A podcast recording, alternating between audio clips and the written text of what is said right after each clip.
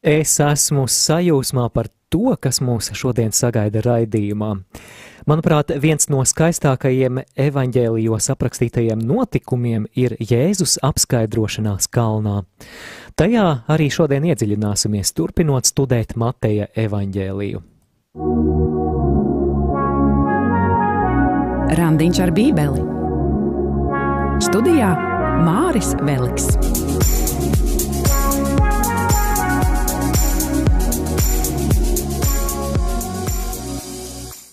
Dieva tēva un dēla un svētā gara vārdā Āmen.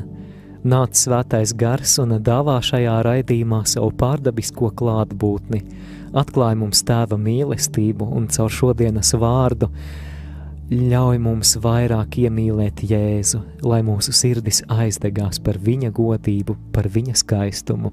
To mēs lūdzam Jēzus Kristus vārdā Āmen.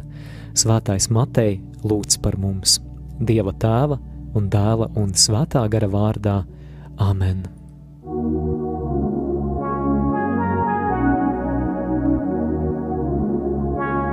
Sākam jaunu nodaļu.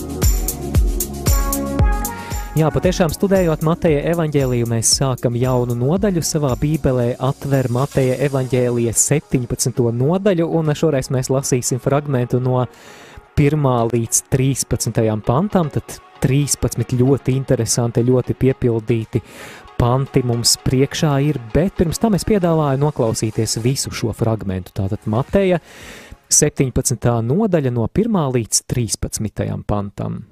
Un pēc sešām dienām Jēzus ņēma Pēteri un Jēkabu un viņa brāli Jāni un veda tos saurup uz augstu kalnu. Un tika apskaidrots viņu priekšā, un viņa vaigs staroja kā saule, un viņa drānas kļuva baltas kā sniegs un redzi, tiem parādījās Mozus un Ēlija, un sarunājās ar viņu. Bet Pēters uzrunādams Jēzus sacīja: Kungs, šeit mums ir labi, ja tu gribi, es celšu šeit trīs teltis, vienu tev un vienu Mozum un vienu Ēlijam. Tam vēl runājot, raugi spožu padebesis to sapēnoja, un raugi balss no debesīm sacīja: Šis ir mans mīļais dēls, pie kā man labs prāts, to jums būs klausīt. To dzirdēdam mācekļi krita uz savu vaigu un izbijās ļoti, Bet Jēzus pie tiem piegājis aizskārtos un sacīja: Celieties un nebīsties! Bet, kad tie savas acis pacēla, tie neredzēja nevienu kā tikai Jēzu vienu. Un no kalna nokāpjot, Jēzus tiem pavēlēja un sacīja: Nevienam nesakiet par šo parādību, līdz cilvēka dēls nebūs no mirušajiem uzcēlies. Un viņa mācekļi tiem jautāja un sacīja: Kā tad raksturmācītājs saka, ka ēlijam jānāk pa priekšu, bet viņš atbildēja un sacīja: Ēlī gan nāk, un visu atkal sataisīs, bet es jums saku, Ēlī jau ir atnācis, un tie viņu neatzina, bet darīja ar viņu, ko gribēja. Tā arī cilvēka dēlam būs jācieš no viņiem.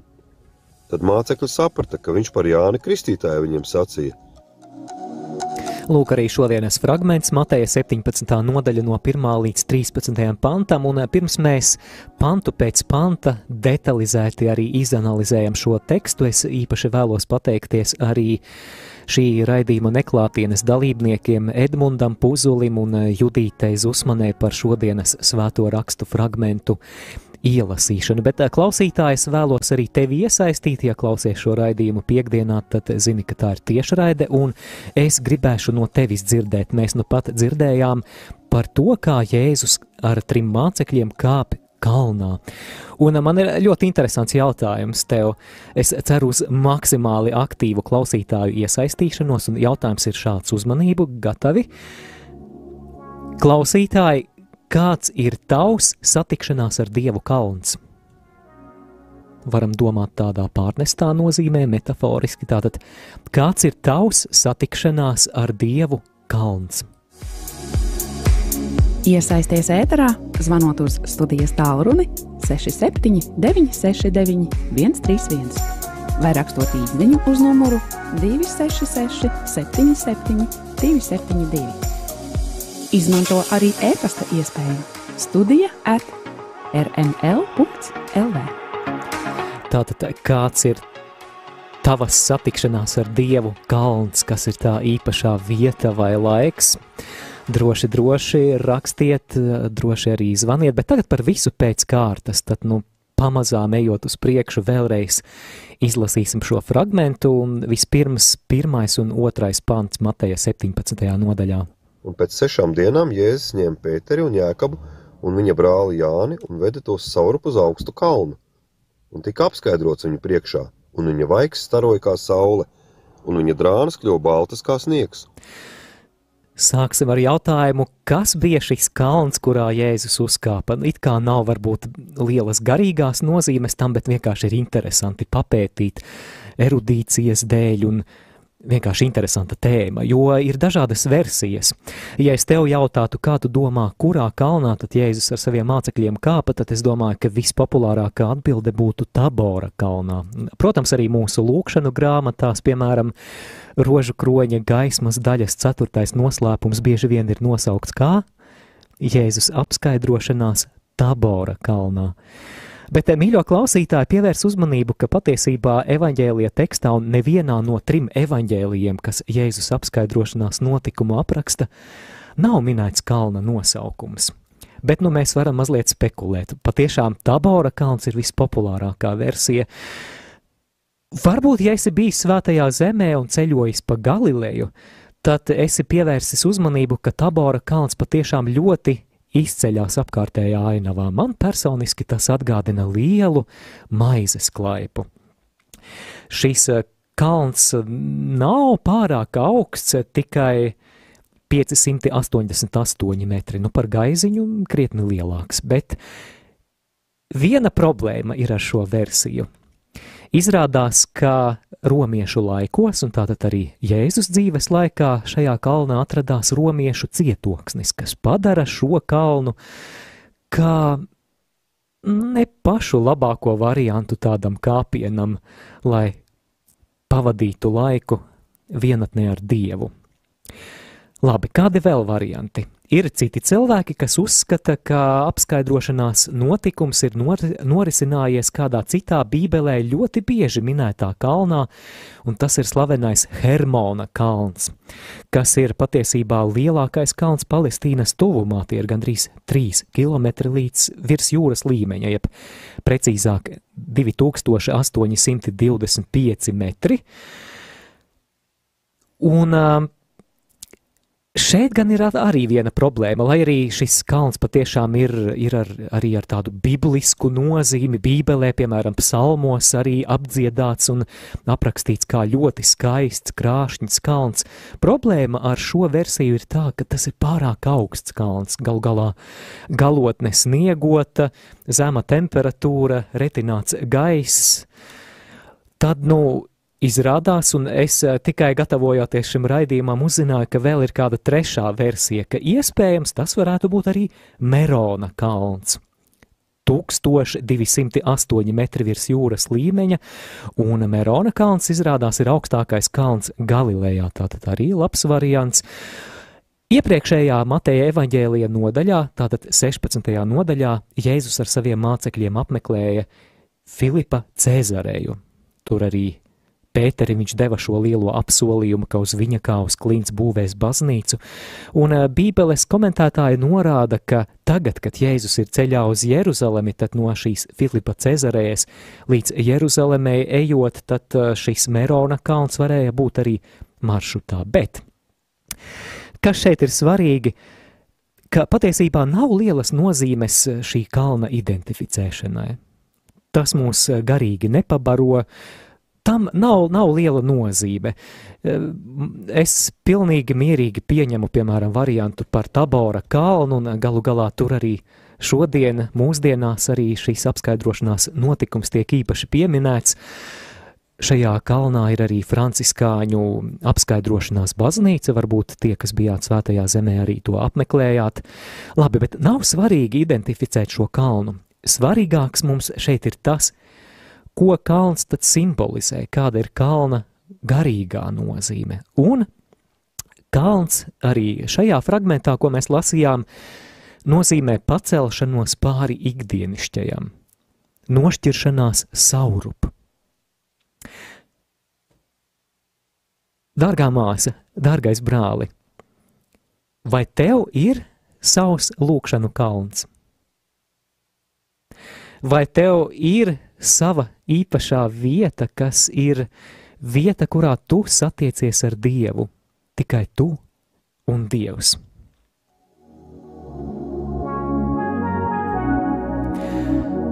Nākamā svarīgā doma par nu pat uh, dzirdētajiem diviem pantiem ir tā, ka mēs redzējām, ka šajā kalnā atklājas Jēzus godība. Notiek kaut kas neparasts. Mācekļi, kuriem ir tā privilēģija būt šajā kalnā, ierauga Jēzu veidolā, kas viņiem līdz šim pat vairākus gadus esot ceļā un misijā ar Jēzu, nekad vēl nav atklājies. Viņi ierauga pārsteidzošu skatu viņa vaigs spīdēja kā saule, un viņa drēbes kļuva baltas kā gaisma, mēs lasām. Tas ir ārkārtējs skaistums. Varētu sacīt, it kā tiek nocelts priekškars, kurš sedza Jēzus godību, kurš to slēpa. Atklājas patiesībā Dieva dēla patiesā būtība uz šī kalna, tā būtība, kuru slēpa Jēzus cilvēciskā daba, kā tāds priekškars. Vēl, manuprāt, interesanti būtu arī pakomentēt par mirdzumu jeb gaismu Bībelē. Jēzus ir ietērpts šajā mirdzumā, un uh, viena no tām lietām, vai viens no motīviem, ko mēs vecajā derībā lasām, ir, ka mirdzums jeb gaisma spožums ir viens no dieva attribūtiem, raksturojumiem. Piemēram, 104. psalmā, 2. pantā mēs lasām par Dievu. Tu ģērbies gaismā kā tērpā, tu izpleti debesis kā telts segu. Vēl uzmanīgiem vecās derības lasītājiem notikums, kurā Jēzus atklājas uz kalna mirdzumā, varētu sasaukties arī ar kādu atgadījumu mūzes dzīvē, par ko mēs lasām izceļošanas grāmatā, jeb otrajā mūzes grāmatā, 34. nodaļā no 29. līdz 35. pantam. Es atgādināšu, kas tur bija. Jēzus 40 dienas bija pavadījis Sinajas kalnā, esot šajā komunikācijā ar Dievu. Man patīk par to domāt kā par 40 dienu garām rekolekcijām ar Dievu. Un tad no nu šajā izceļošanas 34. nodaļā Jēzus, piedodiet, sajaucu Mūzus nokāpi no šī kalna, un vai atceries, kas bija ar Mūzus vaigu? Viņa vaigs mirts, viņa vaigs spīd. Jā, viņa vaigs ir tik spožs, atstarojot šo dieva spožumu, ka ir rakstīts, ka viņam nācās aizsegt savu seju, no, lai, jā, jo šiem cilvēkiem, kas uzlūkoja mūzu, tas bija pārāk spoži. Starp citu, jā, man arī tagad vajag smirts. Tie, kas video tiešraidē skatās, nu labi, man te saule vienkārši spīd virsū, bet jā, ja kas video tiešraidi skaties YouTube kanālā Radio Marija Latvija tiešraides un arī Facebook lapā, randiņš ar bībeli, un ja Facebookā vai YouTube'ā skaties, tad ieliec īkšķīti. Tev tas neko nemaksā, bet radio Marija ēteram tas palīdzēs arī aizsniegt tos cilvēkus, kas ikdienā radio neklausās. Jā, bet par to mūzu smirdzošo vaigu. Interesanti, es arī aizdomājos par to, ka tad, kad mēs pavadām daudz laika ar Dievu, piemēram, kad mēs esam adorācijā vai dziļā lūkšanā, arī mēs piedzīvojam kaut ko līdzīgu, ko varbūt citi cilvēki tev ir teikuši pēc ilgākas adorācijas, vai pēc tam, kad esi atgriezies no svētceļojuma vai no rekolekcijām, un varbūt kādi cilvēki teica, wow, tu, tu esi izmainījies, kaut kas, kaut kas ir īpašs tevī. Jā, runa varbūt šeit nav par tādu fizisko uh, mirdzumu, jeb gaismu tādā fiziskā izpratnē, bet kaut ko mēs izstarojam. Un man nāk prātā arī, ja gadās satikt kādus kontemplatīvos mūkus vai mūķenes, piemēram, Lietuvā ir Bētlemes māsas, šīs kartūziešu ordeņa māsas, viņas satiekot un ar viņām komunicējot, jā, man šķiet, ka viņas kaut ko tādu garīgu uh, izstaro, viņu, viņu sejas ir īpašas, un manuprāt, tas ir caur to, ka viņas stundām ilgi katru dienu pavada dieva meklēšanā, un tas nevar, izmai, tas nevar neizmainīt cilvēku. Arī tu, dārgais brāli, tu, dārgā māsa, es, kad mēs ejam savā lūkšanas kalnā, kad mēs, kā apustulis Pāvils raksta otrajā vēstulē korintiešiem trešajā nodaļā, kad mēs lūkojamies viņa spožumā, mēs topam pārveidoti no viena godības līmeņa uz nākamo, jeb citā tulkojumā ir, mēs topam pārveidoti no spožuma uz spožumu. Atšķirība starp mūzus mirdzumu ir tā, ka mūzus atstaro, bet Jēzus izstaro. Vēlreiz atkārtošu, jo te ir svarīga nianse, svarīga atšķirība. Tātad Mūzus atspoguļo, Jēzus izstaro. Mūzes atspoguļo kunga spožumu, kad ir nokāpis no šī kalna. Viņš ir kā spogulītis. Savukārt Jēzus šajā apskaidrošanās kalnā izstaro pats savu debesu godību, un tā ir tā godība, kurā Jēzus atnāks otrais, kad viņš nāks godībā. Mēs Mateja evaņģēlijā 16.27 lasām. Jo cilvēka dēls nāks sava tēva godībā līdz ar saviem eņģeļiem, un tad viņš ikvienam atmaksās pēc viņa darbiem. Jā, vēl daži vārdi par mūzu, ja jau mēs iesākām arī par paralēlēm ar mūzu stāstu runāt, pievērsiet uzmanību, cik jau līdz šim apskaidrošanās notikumā ir bijušas paralēles ar izceļošanas grāmatu, ar mūzus kāpšanu kalnā un satikšanos ar Dievu. Lūk, es vēl norādīšu uz kādu sīku detaļu, ar ko iesākas Mateja 17. nodaļas pirmais pants – un pēc sešām dienām, jā, tātad šis notikums kalnā notiek pēc sešām dienām, un bībeles komentētāji raksta, ka te ir paralēles ar izceļošanas grāmatas 26, 24. nodaļas 16. pantu, kur arī pēc sešām dienām kalnā Dievs atklājas mūzumu. Jā, tātad, un tā kunga godība nolaidās uz Sinaja kalnu, un mākonis to apsedza sešas dienas, un septītajā dienā viņš uzrunāja mūzu no mākoņu vidus. Tātad sešas dienas, kalns, mākonis, dieva godība. Visi šie elementi ir atrodami arī šajā apskaidrošanas notikumā, ko mēs šodien studējam. Trešais pants. Parādās divi tēli. Un redzi, tiem parādījās Mūzes un Elija un sarunājās ar viņu. Jā, Mūzes un Elija parādās īpašā vīzijā un sarunājas ar Jēzu, un abi šie minētie tēli, gan Mūzes, gan Elijas, Viņiem ir ļoti liela saistība ar jūdu tā laika cerībām par pēdējo laiku, par mesijānisko laikmetu, kad nāks Dieva svaidītājs. Vispirms par mūzu parunāsim.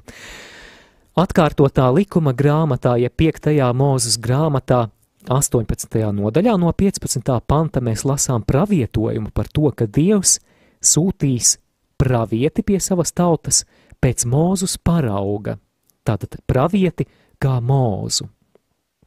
Un arī Izrēļa tauta tad gaida, kurš tad būs tas pravietis, kurš piepildīs šo jaunā mūzus funkciju.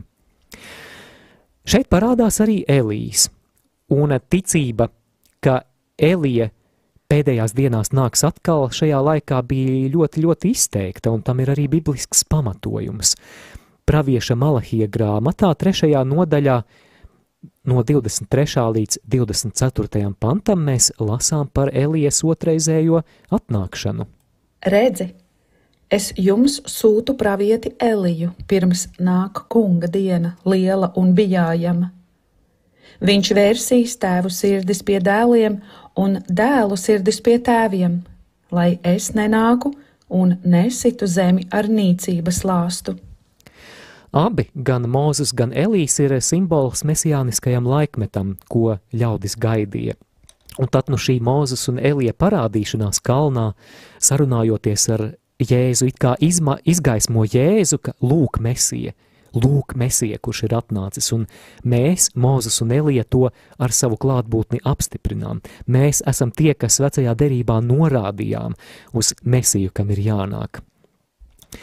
Lasām 17. nodaļas 4. pantu. Bet Pēters uzrunādams Jēzus sacīja: Kungs, šeit mums ir labi, ja tu gribi, es celšu šeit trīs teltis, vienu tev un vienu mūzum un vienu ēlijam. Pēteris ir baigais praktiķis, nu kā jau zvejnieks. Viņš šajā kalnā vēlas kalpot, viņš vēlas praktiski iesaistīties, darīt kaut ko lietas labā. Viņš redz, ka šeit ir Jēzus saticies ar Mūzu un Eliju. Kaut kas ir jādara, es uzcelšu trīs teltis.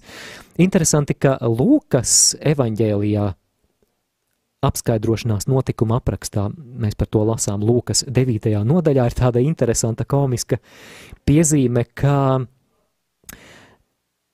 Pēteris nezināja, ko runāja. Mēs atgriezīsimies pie šī stāsta jau pavisam drīz, laiks muzikālai pauzītē, jo saprotu, ka daudz informācijas, tad, nu, lai smadzenes nesāk vārīties, tad arī muzikāls veldzējums. Un atgādinu klausītāji, ka aicinu tevi iesaistīties, droši raksti WhatsApp ziņas un īziņas uz numuru 266 77 272 ar atbildi uz jautājumu, kas ir tavs satikšanās ar Dievu kalns.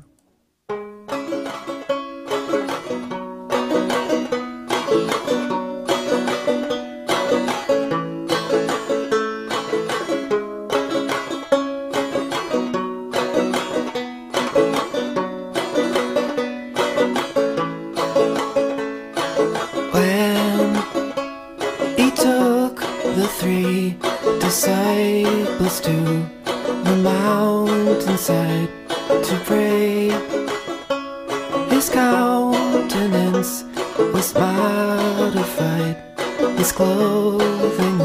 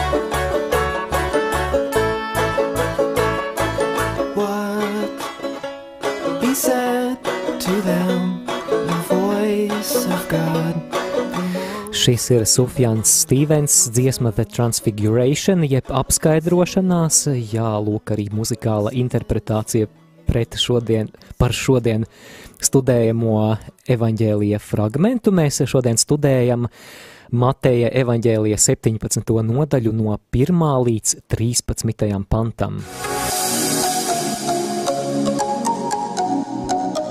Skan randiņš ar bībeli. Turpinām ar piekto pantu. Tam vēl runājot, raugi spožu padebesis to sapēnoja, un raugi balss no debesīm sacīja: Šis ir mans mīļais dēls, pie kā man labs prāts, to jums būs klausīt. Jā, interesanti klausītāji, vai tu savā ikdienā lieto tādu vārdu vai nelieto padebesis, droši vari arī padalīties. Manuprāt, īpaši nav populārs vārds mūsdienu sarunu valodā. Padebesis patiesībā ir mākonis. Lai arī tā saucamajā vecajā tulkojumā un jaunajā tulkojumā lietot šis vārds padebesis, bet, nu, respektīvi, tas ir, tas ir mākonis. Un mākonim vecajā derībā ir arī īpaša simboliska nozīme. Mākonis vecajā derībā simbolizē dieva klātbūtni, un es vēlos to ilustrēt ar vairākiem piemēriem. Pirmkārt, tas, kas nāk prātā, atcerēsimies, kad Izraēļa tauta izceļo no Ēģiptes tūkstnesī, tad dieva klātbūtne viņus pavada kā? Dienā kā redzams mākonis un naktī kā ugunsstaps. Vai arī dieva klātbūtne arī mākoņa veidā manifestējas, parādās arī svētnīcā, sākumā sajiešanas teltī, vēlāk Jeruzalemes templī, piemēram, izceļošanas grāmatas 33. nodaļā no 9. līdz 10. pantam mēs lasām, ka mākonis nonāk pār šo sajiešanas telti, uz kuru bija ieradies Mūzus, un nonāk dieva godība, un dievs sarunājās ar Mūzu kā draugs, sarunājās ar draugu. Wow, kā tas Mūzum bija personiskas un dziļas attiecības ar dievu. Krietni vēlāk vēsturē jau pirmajā ķēniņu grāmatā, 8. nodaļā, no 10. līdz 11. pantam, mēs lasām, ka brīdī, kad ķēniņš Salomons iesvētīja jau Jeruzalemes templi, kā jauno svētnīcu Jeruzalemē tempļa kalnā, tad mākonis piepildīja templi un dieva godība pār to nonāca, ka priesteri vairs nevarēja ienākt iekšā un ka priesteri pat nes, ne, nespēja nostāvēt kājās. Atkal šis mākonis. Vai, piemēram, pravietis Ezehiels pirmajā nodaļā apraksta arī dieva vīziju pie Kebaras upes. Viņš redz dieva godību un apraksta pirmās nodaļas ceturtajā pantā to šādi. Es skatījos, un redzi, negaisa viesulis nāca no ziemeļiem, milzīgs mākonis un liesmojoša uguns, visapkārt tais požums, un vidū tā mirdzēja kā varš ugunī. Jā, atkal dzirdējām par mākoni kā simbolu dieva klātbūtnei. Vēl noteikti mākonis varētu atgādināt, un ņemot vērā arī šo Jēzus atrašanos kalnā un mākoņa nonākšana, tas mums var atgādināt arī mākoni pār Sinaja kalnu atkal izceļošanas grāmatā, kad Mūzus kāpj satikties ar Dievu. Lasām izceļošanas grāmatas 19. nodaļu, 9. pantu. Un kungs teica Mūzum: Redzi, es nākšu pie tevis biezā mākonī, lai tauta dzirdētu, kad es runāšu ar tevi, un lai tie tev ticētu mūžam. Lai tauta dzirdētu, arī šeit šodienas evaņģēlijas fragmentā no mākoņa atskan balss, un vārdi, ko debesu tēvs saka, ir: Šis ir mans mīļais dēls, pie kura man labs prāts. To jums būs klausīt. Šie vārdi, dārgo klausītāji, paceļ jēzu un izceļ pāri ikvienam vecās derības varonim, pāri mūzum, pāri elijam, pāri jebkuram citam vecās derības pravietim vai varonim vai soģim vai ķēniņam. Jo šis galu galā ir Dieva mīļotais dēls, pie kura tēvam ir labs prāts un kurš mums ir jāklausa. Šajā brīdī es aicinu mazliet pāanalizēt šos vārdus. Šis ir mans mīļais dēls, pie kura man labs prāts, to jums būs klausīt, un mēģināsim saskatīt, kādas vecās derības atsauces tad šajā vārdā ir, jo Bībeles pētnieki arī uzsver, ka šeit ir alūzija uz divām vecās derības raksturvietām, un pirmā no tām ir pravieša Jesaja grāmata, 42. nodaļa, pirmais pants – Redzi, tas ir mans kalps, es viņu stiprinu, mans izradzētais, kas manai dvēselē tīk, es viņam devu savu garu, viņš nesīs tautām tiesu. Jā, tā tad dieva izradzētais, kas viņam patīk. Pravietis Jēsaja šeit runāja par tā saucamo cietēju kalpu. Lielajā piekdienā mēs lasīsim arī Jēsajas turpinājumu par cietēju kalpu no Jēsajas 53. nodaļas, kur šis kalps uzņemās visus mūsu pārkāpumus un, jā, tad eh, atdot sevi kā upuri. Viņš mirst mūsu dēļ, mūsu pārkāpumu dēļ.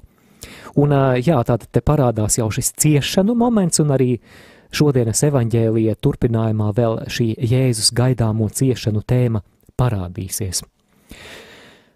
Otra rakstu vieta, kura mazliet atbalsojas arī šajos vārdos, kas atskan no mākoņa, it sevišķi vārdos, to jums būs klausīt, te mums ir paralēles ar piekto mūzus grāmatu, jeb atkārtotā likuma grāmatu, 18. nodaļu, un es lasīšu no 15. panta.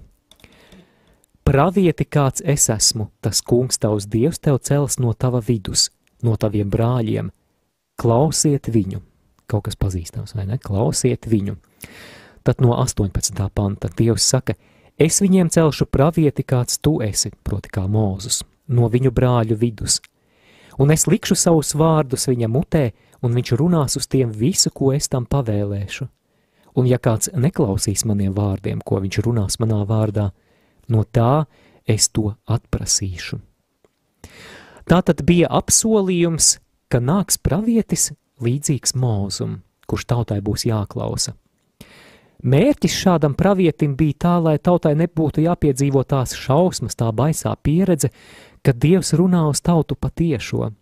Izrēļa tauta, kad skanēja dieva balss, bija ārkārtīgi nobijusies, līdz ar to Mūzus ieņēma it kā starpnieka funkciju, ka Dievs runā uz Mūzu un Mūzus tālāk šo vēsti nodot tautai.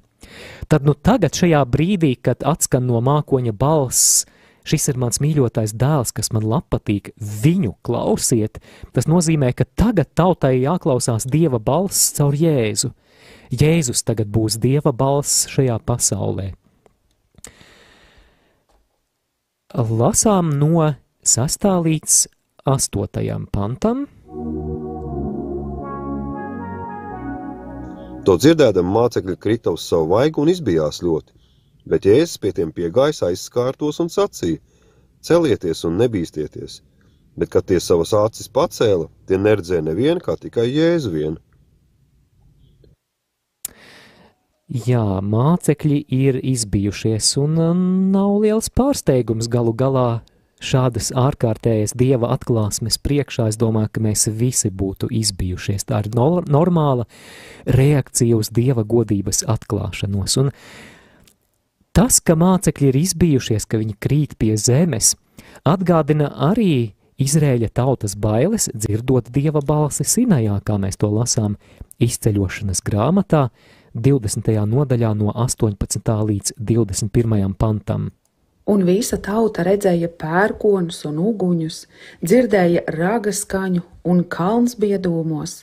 Ļaudis nobijās, drebēja un nostājās iztālēm. Un viņi teica mūzum: Runā tu ar mums, un mēs klausīsim, bet lai nerunā ar mums Dievs, ka mēs nemirstam. Mūzes teica tautai: Nebīsties, jo Dievs ir nācis jūs pārbaudīt, lai jūsu acis būtu pilnas viņa bijības, ka jūs negrēkotu. Jā, Mūzes saka tautai nebīsties, un arī Jēzus šeit kalnā, kad mācekļi ir izbijušies, viņš viņus iedrošina nebīsties, celieties.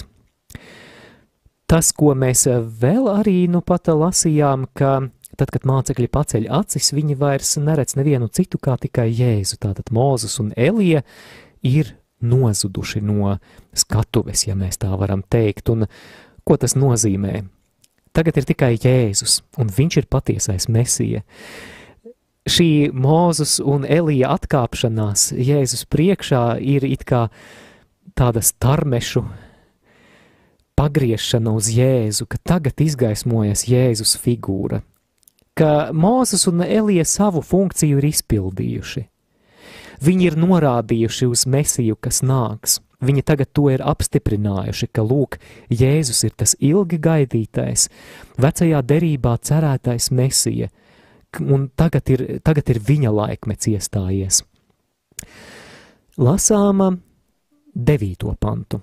Un no kalna nokāpjot, Jēzus tiem pavēlēja un sacīja: Nevienam nesakiet par šo parādību, līdz cilvēka dēls nebūs no mirušajiem uzcēlies. Mēs jau iepriekš Mateja evaņģēlijā saskārāmies ar situācijām, kad Jēzus lūdza nestāstīt citiem, ka viņš ir mesija, un tas populārākais skaidrojums, ko man ir izdevies atrast komentāros, ir tas, ka tas ir saistīts ar tā laika valdošo izpratni par to, kādam ir jābūt mesijam. Un Jēzus negrib šeit izsaukt kaut kādus pārpratumus, jo tauta lielākoties gaida mesiju, kas viņu izpratnē būs militārs un politisks līderis, kurš Izrēļa tautu atbrīvos no tajā laikā esošās romiešu okupācijas varas. Mēs zinām, ka Jēzus ir pavisam cita tipa mesija. Un uh, Jēzus saka, ka par šo parādību nestāstiet līdz cilvēka dēls nebūs augšām cēlies no miroņiem. Tātad vēlāk Jēzus augšām celšanās gaismā, tad viss saliksies pa plauktiņiem un arī mācekļi neradot nekādus pārpratumus, arī tad varēs arī citiem cilvēkiem dalīties šajā ārkārtējā pieredzē, ko mācekļi arī dara. Mēs par šo apskaidrošanās notikumu lasām trīs evaņģēlijos. Gan šodien studējamajā Mateja evaņģēlija 17. nodaļā, arī Marka evaņģēlija 9. nodaļā un Lūkas evaņģēlija 9. nodaļā mēs lasām šo evaņģēlistu versijas par notikušo. Un vēl interesants komentārs ir atrodams no aculiecinieka, proti no apustuļa Pētera. Mums jaunajā derībā ir cik Pētera vēstules? Divas, jā, divas Pētera vēstules, un otrajā Pētera vēstulē, pirmajā nodaļā, no 16. līdz 18. pantam, apustulis Pēteris, kurš patiešām bija šajā kalnā klātesošs un kurš bija Jēzus augšām celšanās liecinieks, arī dalās par šo savu pieredzi, vismaz to piemina. Nevis sagudrotiem stāstiem sekodami, bet kā viņa varenības acu liecinieki mēs jums atklājām mūsu Kunga Jēzus Kristus spēku un atnākšanu. Kad viņš no Dieva tēva saņēma godu un slavu, varenās godības balss atskanēja, pavēstīdama viņam: Šis ir mans mīļotais dēls, uz ko man labs prāts. Šo balsi mēs dzirdējām no debesīm atskanam, kad kopā ar viņu bijām uz svētā kalna.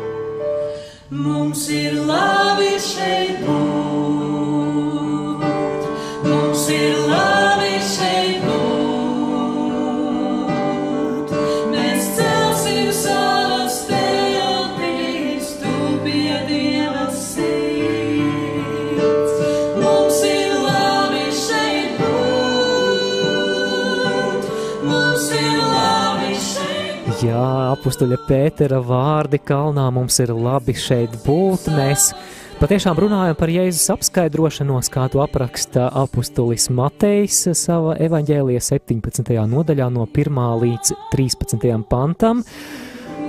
Jēzus ir uzkāpis kalnā, Jēzus satiekas ar debesu tēvu. Evanģēlists Lūkas arī komentē, ka nolūks, kāpēc Jēzus kāpa kalnā, bija lūkšana. Mīļo klausītāji, atgādinu jautājumu tev, vai tev ir savs satikšanās ar Dievu kalns? Tādā pārnestā, varbūt arī kādam tiešā nozīmē, vai tev ir savs lūkšanu kalns. Droši raksti vai zvani, iespējams, ka mani šobrīd neviens nedzird, jo neviens neko neraksta, un mm, nezvana, bet uh, droši vien vērts atgādināt kontaktinformāciju, un tad arī noslēgsim šodienas fragmentā studēšanu. Iesaisties ēterā, zvanot uz studijas tālruni 67 969 131 vai rakstot īsiņu uz numuru 266 77 272. Izmanto arī e-pasta iespēju Studija at rml.lv. Turpinām ar Mateja 17.10. Un viņa mācekļi tiem jautāja un sacīja, kā tad raksturmācītājs saka, ka ēlijam jānāk pa priekšu.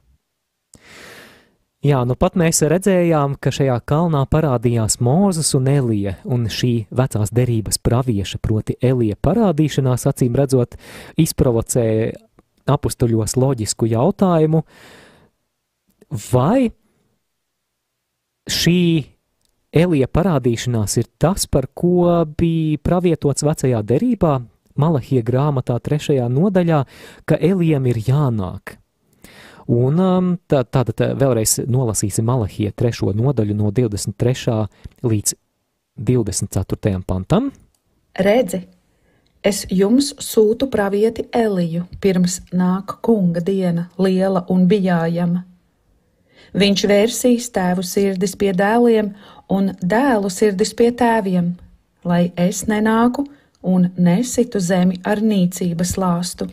Jā, tātad ir šis malahie pravietojums, un uh, pamatojoties uz to rakstu mācītāji patiešām šajā laikā daudz sludina par to, ka Elijam laiku beigās ir jānāk. Un tad no mācekļiem šis likumsakarīgais jautājums, vai Elija parādīšanās šajā kalnā ir šī apsolījuma piepildījums? Lasām Jēzus atbildi no 11. līdz 12. pantam. Bet viņš atbildēja un sacīja: Ēlija gan nāk un visu atkal sataisīs, bet es jums saku, Ēlija jau ir atnācis, un tie viņu neatzina, bet darīja ar viņu, ko gribēja. Tā arī cilvēka dēlam būs jācieš no viņiem. Jā, Jēzus šeit apstiprina, ka rakstu zinātāju mācība par to, ka Elijam ir jānāk, ka tā ir pareiza, bet viņu problēma ir tajā, ka viņi nav atpazinuši to, ka Elijs patiesībā jau bija atnācis. Tātad rakstu mācītāja kļūda bija nespēja atpazīt, ka Elija patiešām jau bija atnācis, jo Jēzus šeit saka, ka Elija jau ir atnācis, un tie viņu neatzina bet ar viņu darīja, ko gribēja, un jautājums, kurš tad ir šis Elīs? Tad mācekļi saprata, ka viņš par Jāni Kristītāju viņam sacīja. Jā, tātad šis malahie pravietojums par Eliju, arī mums Sīraha dēla grāmatā vecajā derībā ir pravietojums arī par Elija nākšanu un lomu laiku beigās.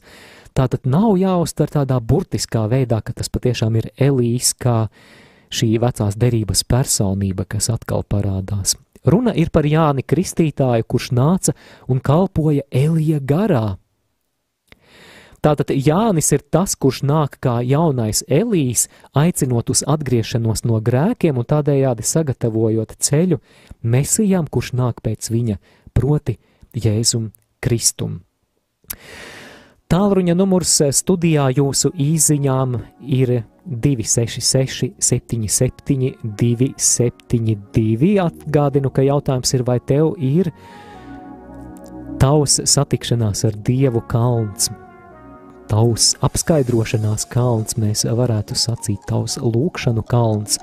Es to domāju tādā pārnestā nozīmē, varbūt kādam tas ir draudzes dievnams, varbūt Kādam tā ir adorācijas kapela vai mīļākais lūkšanu stūrītis, tam varbūt nav nozīmes, bet droši, droši padalāmies vēl tikai dažas minūtes jūsu rīcībā.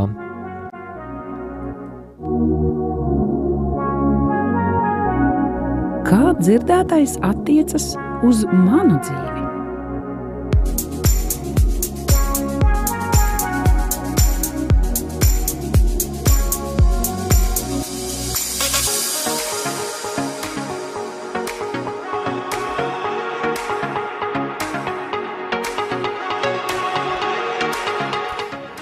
Nu, Tālruņa studijā, ja vēlaties sazvanīt, ir 679, 669, 131, vai jums ir kāda mīļākā vieta, kur jums patīk meklēt dievu, kāda vieta, kas jums saistās ar dieva pieredzi, ar dieva piedzīvošanu.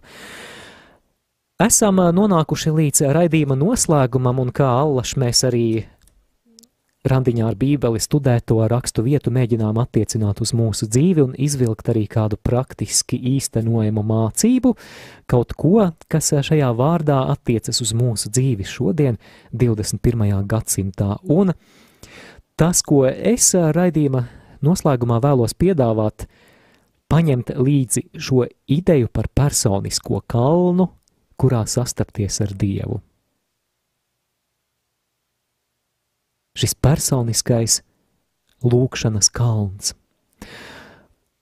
Un es atkārtoju, ka šeit nedomāju kalnu burtiski, lai gan arī tāds var būt. Atceros Jānis Akmens, kurš arī radio Marija ēterā vēl pirmajā sezonā kopā ar Mārtiņu Kanderu iesāka raidījumu Laiks īstiem vīriem, man stāstīja, ka viņam pie viņa lauku mājām ir kalns, pakalns, kas ir viņa lūkšanu vieta. Viņš kāp tajā kalnā un arī pavada laiku ar Dievu. Kalns tādā pārnestā nozīmē ir tavs satikšanās laiks un tava satikšanās vieta ar Dievu. Tā vieta, kurā tu it kā pacelies simboliski, pacelies pāri visai ikdienas kņadai, visām raizēm, rūpēm, problēmām, plāniem, un atvēli visu savu uzmanību, visu savu laiku tikai Dievam. Esi tu un Dievs. Jā, šis ir tavs Dieva meklēšanas kalns. Varbūt kādam tas ir jūsu lūkšanu stūrītis mājās, kur ir varbūt ikonas, kādas svētbildes un sveces. Uh, Varbūt kādiem no jums, dārgie klausītāji un skatītāji, tā ir adorācijas kapela, piemēram, vecrīgas sirdī. Varbūt tā ir tava draudzes baznīca, kur tev patīk uzkavēties arī ilgāk jau pēc mises vai pirms mises. Varbūt tā, tā ir vienkārši klusa pastaiga gara jūras malu vai kaut kur mežā meklējot dievu. Varbūt tavs dieva meklēšanas kalns ir tava lūkšanu grupa, kurā tu jūti, ka dievs tevi uzpilda ar svēto garu, dod spēku iet uz priekšu tālāk, kurā sniedz savu spirdzinājumu. Tātad kalns ir pacelšanās pāri visām ikdienas rūpēm un norisēm.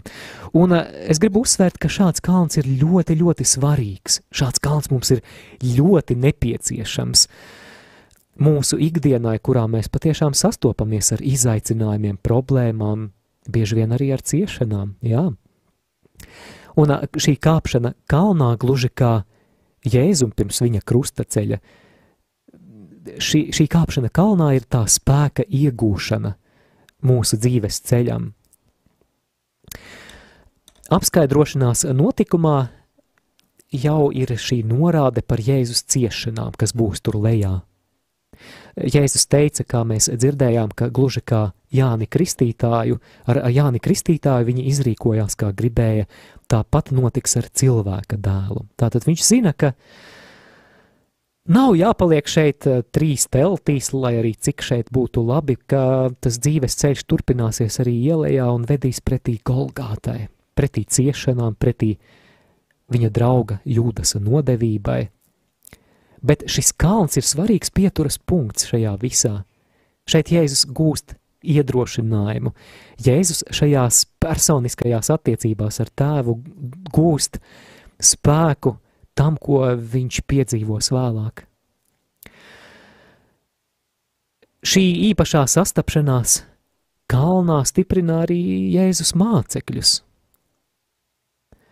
Un šobrīd mēs dzīvojam tādos jocīgos laikos, Ukrainā ir karš, un iespējams mēs arī ikdienā varbūt sevi pār, pārslogojam ar informāciju, mēs lasām un klausāmies ziņas, un, un tas ir labi, mums ir, ir par ko lūgt un jābūt lietas kursā, bet reizēm varbūt es pats sevi kādā brīdī pieķēru, ka es daru to pārāk daudz un var izdegt, var, var ieiet kaut kādā izmisumā, un tāpēc mums ir vajadzīgs kalns, kurā mēs pāri tam visam paceļamies. Jā, lai atkal atgrieztos lejā, bet ir vajadzīgs šis kalns lūkšanai, kalns dziļām un personiskām attiecībām ar Dievu. Rekā laikam šoreiz mani neviens neklausās, tāpēc arī neraksta un nezvana, vai arī nevienam nav sava personiskā lūkšanu kalna. 266, 77, 272 ir numurs jūsu īsiņām un WhatsApp ziņām. Jā, bet um, tātad um, tas praktiskais ieteikums arī raidījuma noslēgumā ir Šajā jaunajā nedēļā, nedēļas turpinājumā, atrodi iespēju uzkāpt savā lūkšanu kalnā.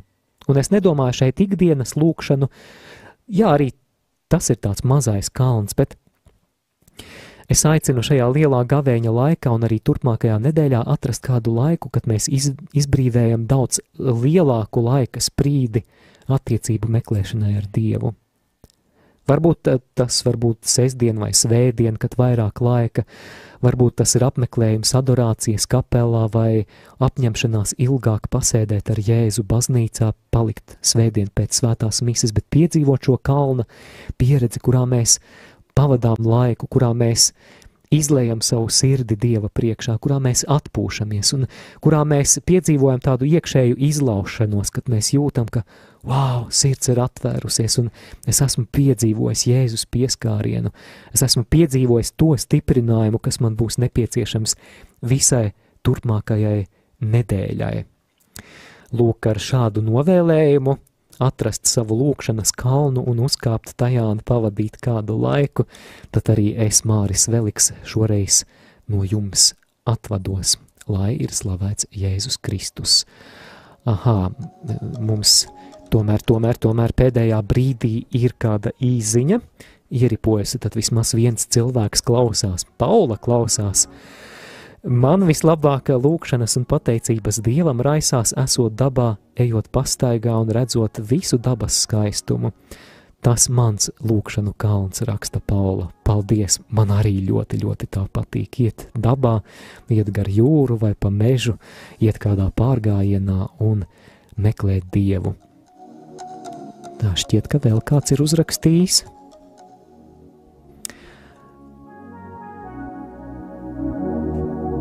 Man personīgi lūkšanu kalns ir manas pastaigas dabā ar rožu kroni rokās arī kāda ziņa.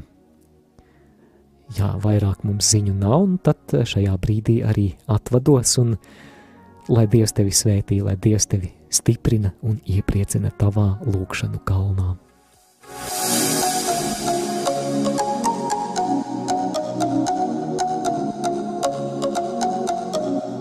Jūs klausījāties raidījumu Randiņš ar Bībeli.